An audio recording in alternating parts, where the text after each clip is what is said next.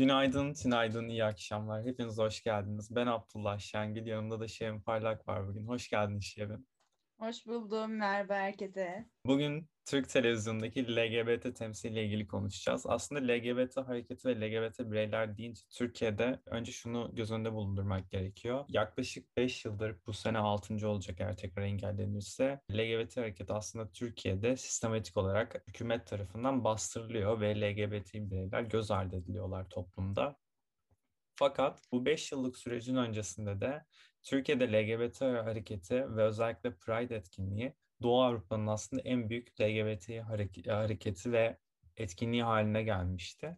O yüzden şu anda aslında e, olduğumuz nokta bence bir, biraz önemli. Girişi bir soru üstünden yapmak istiyorum. Türk televizyonunda şu an LGBT temsilini nerede görüyorsun? Aslında e, şu an baktığımızda komedi unsuru olmuş gay erkekler haricinde LGBT'yi temsilini pek gördüğümüz söylenemez diye düşünüyorum. Katılıyorum aslında. Ben şöyle düşünüyorum e, açık bir LGBT temsili olduğunu düşünmüyorum. Daha çok işte e, eşcinsel erkek veya trans kadınlara yönelik belli tiplemeler üzerinden olduğunu düşünüyorum. Yani mesela feminen bir işte eşcinsel erkek karakteri ve etrafında genelde kad- kadınlar olan, abartılı tepkiler veren, işte davranışları evet, abartılı olan karakterler görüyoruz. Hani bu böyle bir eşcinsel erkek tiplemesi var mesela veya trans kadınlarla ilgili olduğu zaman işte e, ahlaksız seks işçisi tiplemesi hemen böyle işte haberlere çıkarlar falan böyle.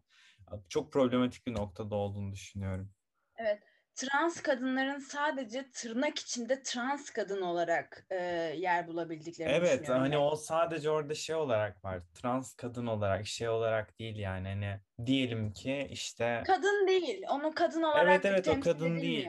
Adı Zeynep'tir belki veya başka bir şeydir ama o Zeynep değildir. Orada trans kadındır. Başka ha, bir vasfı evet, yoktur. Yani onun orada ilgi alanları, hayatındaki beklentileri, işte yaptığı başka bir iş yapıyorsa, başka bir iş yapıyorsa hani hep şey olarak gösterilir ya seks işçisi muhabbeti işte. Evet. Hani o orada sadece trans kadın olma etiketiyle var oluyor. Yani kendini bu şekilde sadece bulabiliyor ekranda. Ve hani buradan yola çıkarak aslında ne kadar problematik bir noktada olduğunu LGBT temsilinin görebiliyoruz veya söyleyebiliyoruz.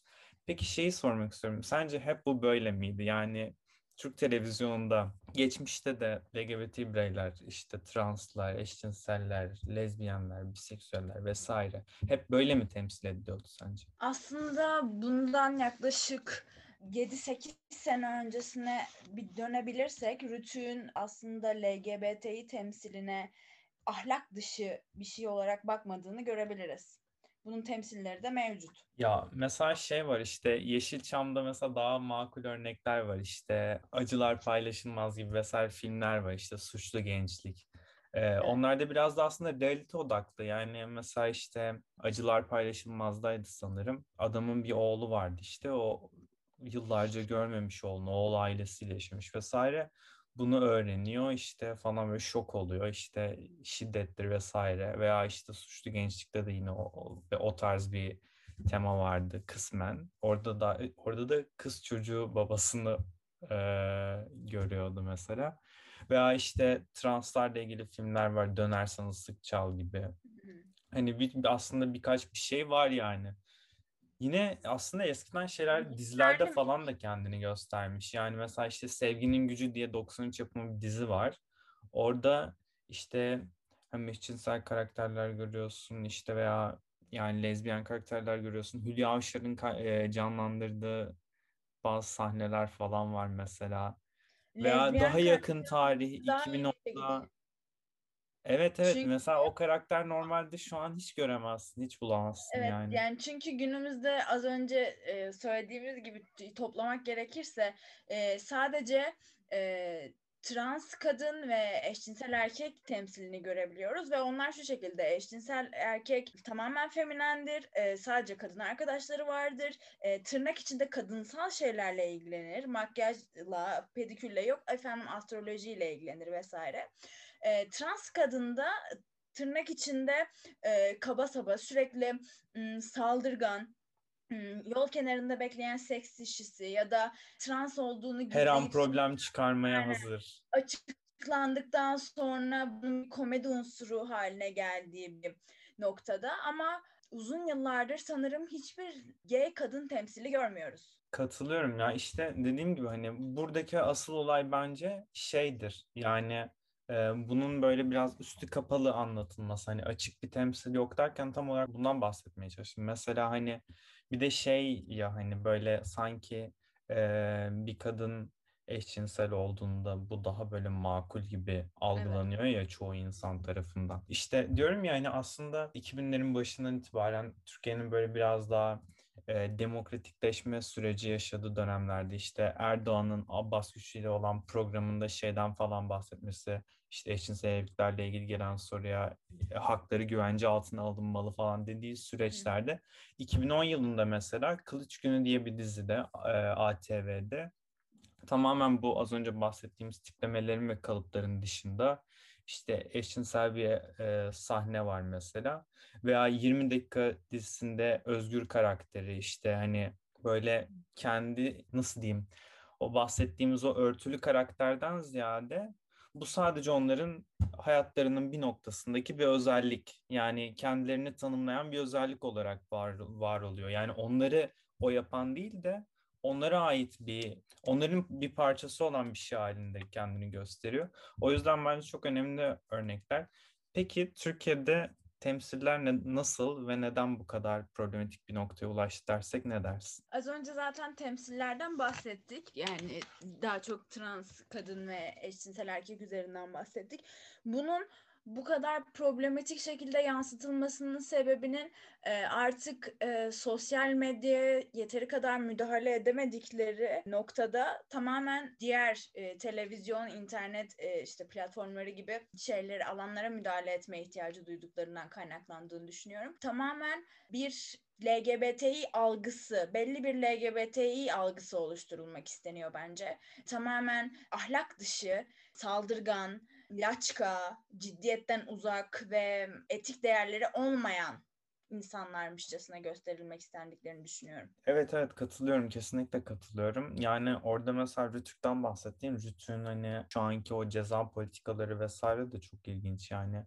Onun da ben AK Parti'deki politik dönüşümden ve şu an günümüz Türkiye'sindeki politik baskıdan kaynaklı olduğunu düşünüyorum. Yani mesela yakın bir zamanda işte Aşk 101 dizisiyle böyle bayağı sansasyonel ilgili haberler çıkmıştı. İşte eşcinsel bir karakter olduğunu ve hükümetin müdahale ederek bu karakteri çıkarttırdığı gibi. Son zamanlarda da e, aslında bir Türk dizisi yine yapılacaktı. Netflix hazırlayacaktı. Şimdiki aklım olsaydı diye. Evet. Ee, eşcinsel evet, bir karakter olduğu için iptal oldu. Burada proje İspanya'da çekilecek vesaire gibi haberler evet. çıkmıştı mesela.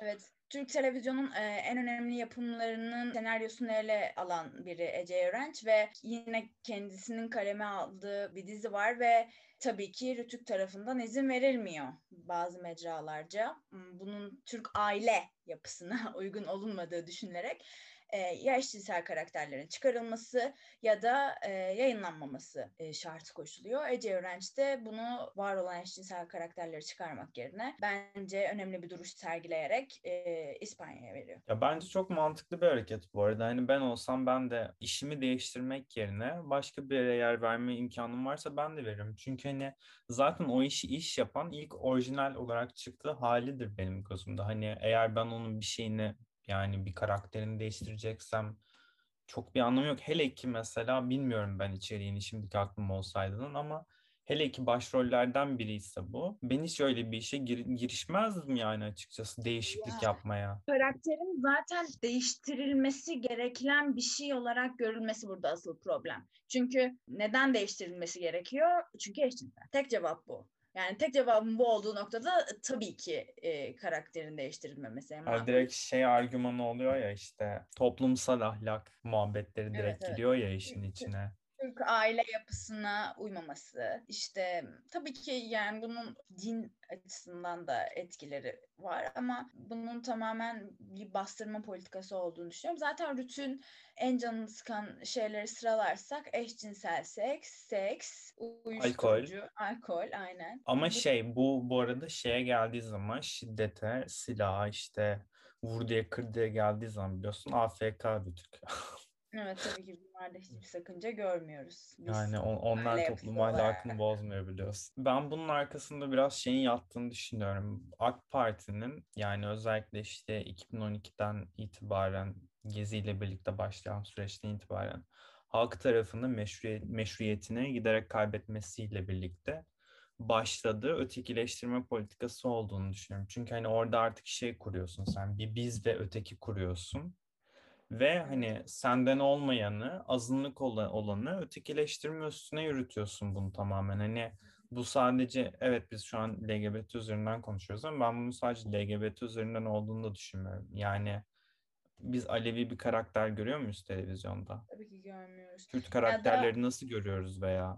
Evet, yani çok farklı aslında şeyler evet. var burada. Yani ben bunun böyle aslında ufak bir şey değil çok daha böyle genel bir tablosu olduğunu düşünüyorum. Yani bu bir nasıl diyeyim bir bütün halinde bir problem bence. Bu da onun bir tamamen iktidar, iktidarın faşist tutumuyla alakalı. Evet evet zaten şey hani şu an LGBT üzerinden konuştuğumuz için söylüyorum. LGBT karşıtı politikayı da zaten öyle bir yapıyorlar ki hani diyanetinden medyasına işte polisine hani her şekilde bu baskı oluyor.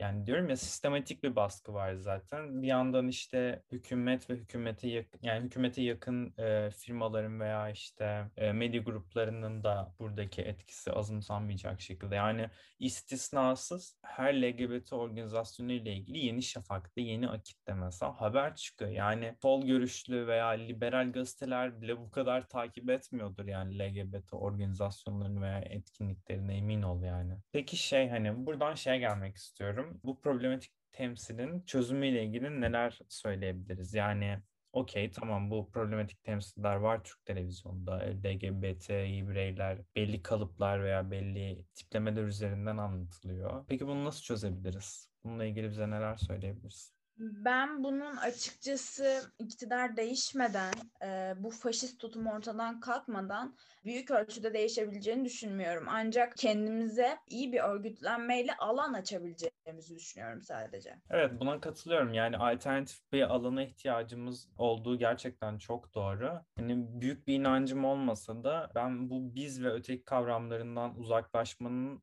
çok faydalı olacağını düşünüyorum. Yani belki klişe bir şey söyleyeceğim ama bence Türkiye'nin barışmaya ihtiyacı var. Yani birbiriyle insanların barışmaya ihtiyacı var.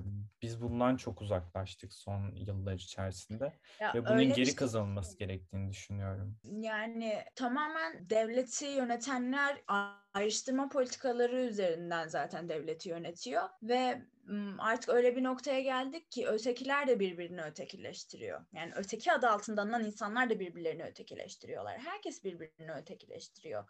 Çünkü evet evet bu toplumun bir dinamiği haline gelmeye başladı artık. Öyle yukarıdan öyle e, faşist bir baskı var ki insanlar kendilerine var olabilecek alanlar yaratmaya çalışıyorlar ve var olmanın yolunu bir başkasını yok etmekte arıyorlar. Kesinlikle katılıyorum yani söylediklerine. De hani dedim ya başlarken işte hani 2012 öncesinde ve yani aslında Pride yasaklanmaya başlamadan öncesinde Türkiye İstanbul Pride ile birlikte Doğu Avrupa'nın en büyük Pride organizasyonuydu.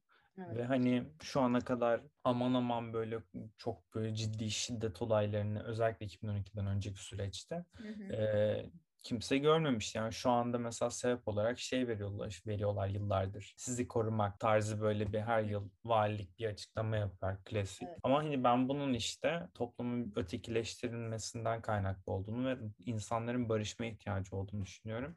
Hani bu sadece bu konuyla ilgili de değil, toplumun her kesiminin barışma ihtiyacı olduğunu düşünüyorum. Ama biraz o noktaya doğru gidiyoruz galiba. En azından benim Türkiye'de gördüğüm o. Ee, insanlar bundan yoruldu çünkü yani şöyle düşün 10 yaşında çocuktan yani çocuktan başlayarak bu 70 yaşındaki insana kadar hayatlarımız tamamen politikleşmiş bir durumda. Yani evet. yatıyoruz, kalkıyoruz, inanılmaz yoğun bir gündem var ve insanların bundan yorulmaya başladığını ve bundan uzaklaşmak için bir çaba içerisinde olduğunu düşünüyorum. Yani özellikle bizim de içinde bulunduğumuz e, Z kuşağının artık tamamen bir şeyleri değiştirmek istediğini fark edebiliyorum. Çünkü çok genciz. Doğduğumuzdan beri e, aynı iktidarla yönetiliyoruz.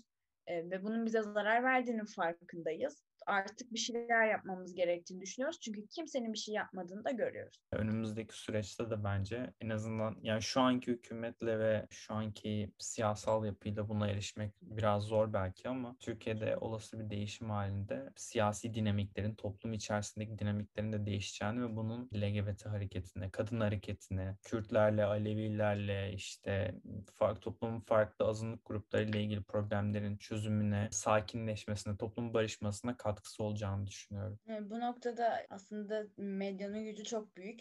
Zaten tam da bu noktada medyayı kontrol etmek istediklerini anlıyoruz. LGBTİ ile alakalı geçen gün Netflix'in bir skandalı oldu. Duydum mu bilmiyorum ama çeviride straight kelimesini normal olarak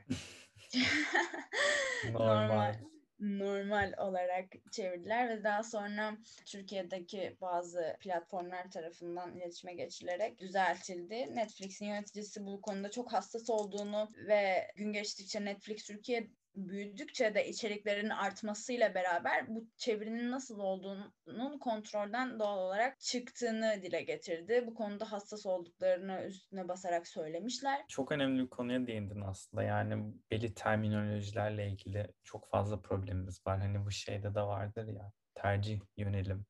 Evet, İşte evet. hani o tarz muhabbetler bunun üstüne aslında bir gün konuşabiliriz hayatım.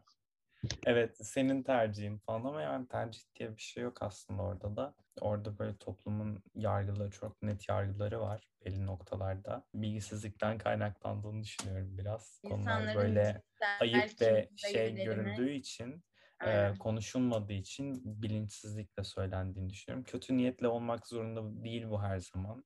Öz- Özellikle şeyden Evet. bahsediyorum. Tercih ve yönelim e, muhabbetlerinden bahsediyorum. Ama problematik bir şey yani sonuçta baktığın zaman ve hani üstünde bir gelişme görmesi gerekiyor toplumun. Tabii ki tabii ki Ben özel çok keyif aldım konuşmamızdan. Çok teşekkürler konuk olduğun için de. Dinleyenlere de teşekkür ederiz. Ne demek ben de çok keyif aldım. Bunların sık sık konuşulması gereken konular olduğunu düşünüyorum. Çünkü bir şeyleri dile getirdikçe değiştirebiliriz. Çok sağ ol, çok teşekkürler. Bugün Türkiye'de Türk Televizyonu'nda LGBT temsilciliği ile ilgili konuştuk. Tekrar görüşmek üzere. Kendinize çok iyi bakın. Sağlıcakla.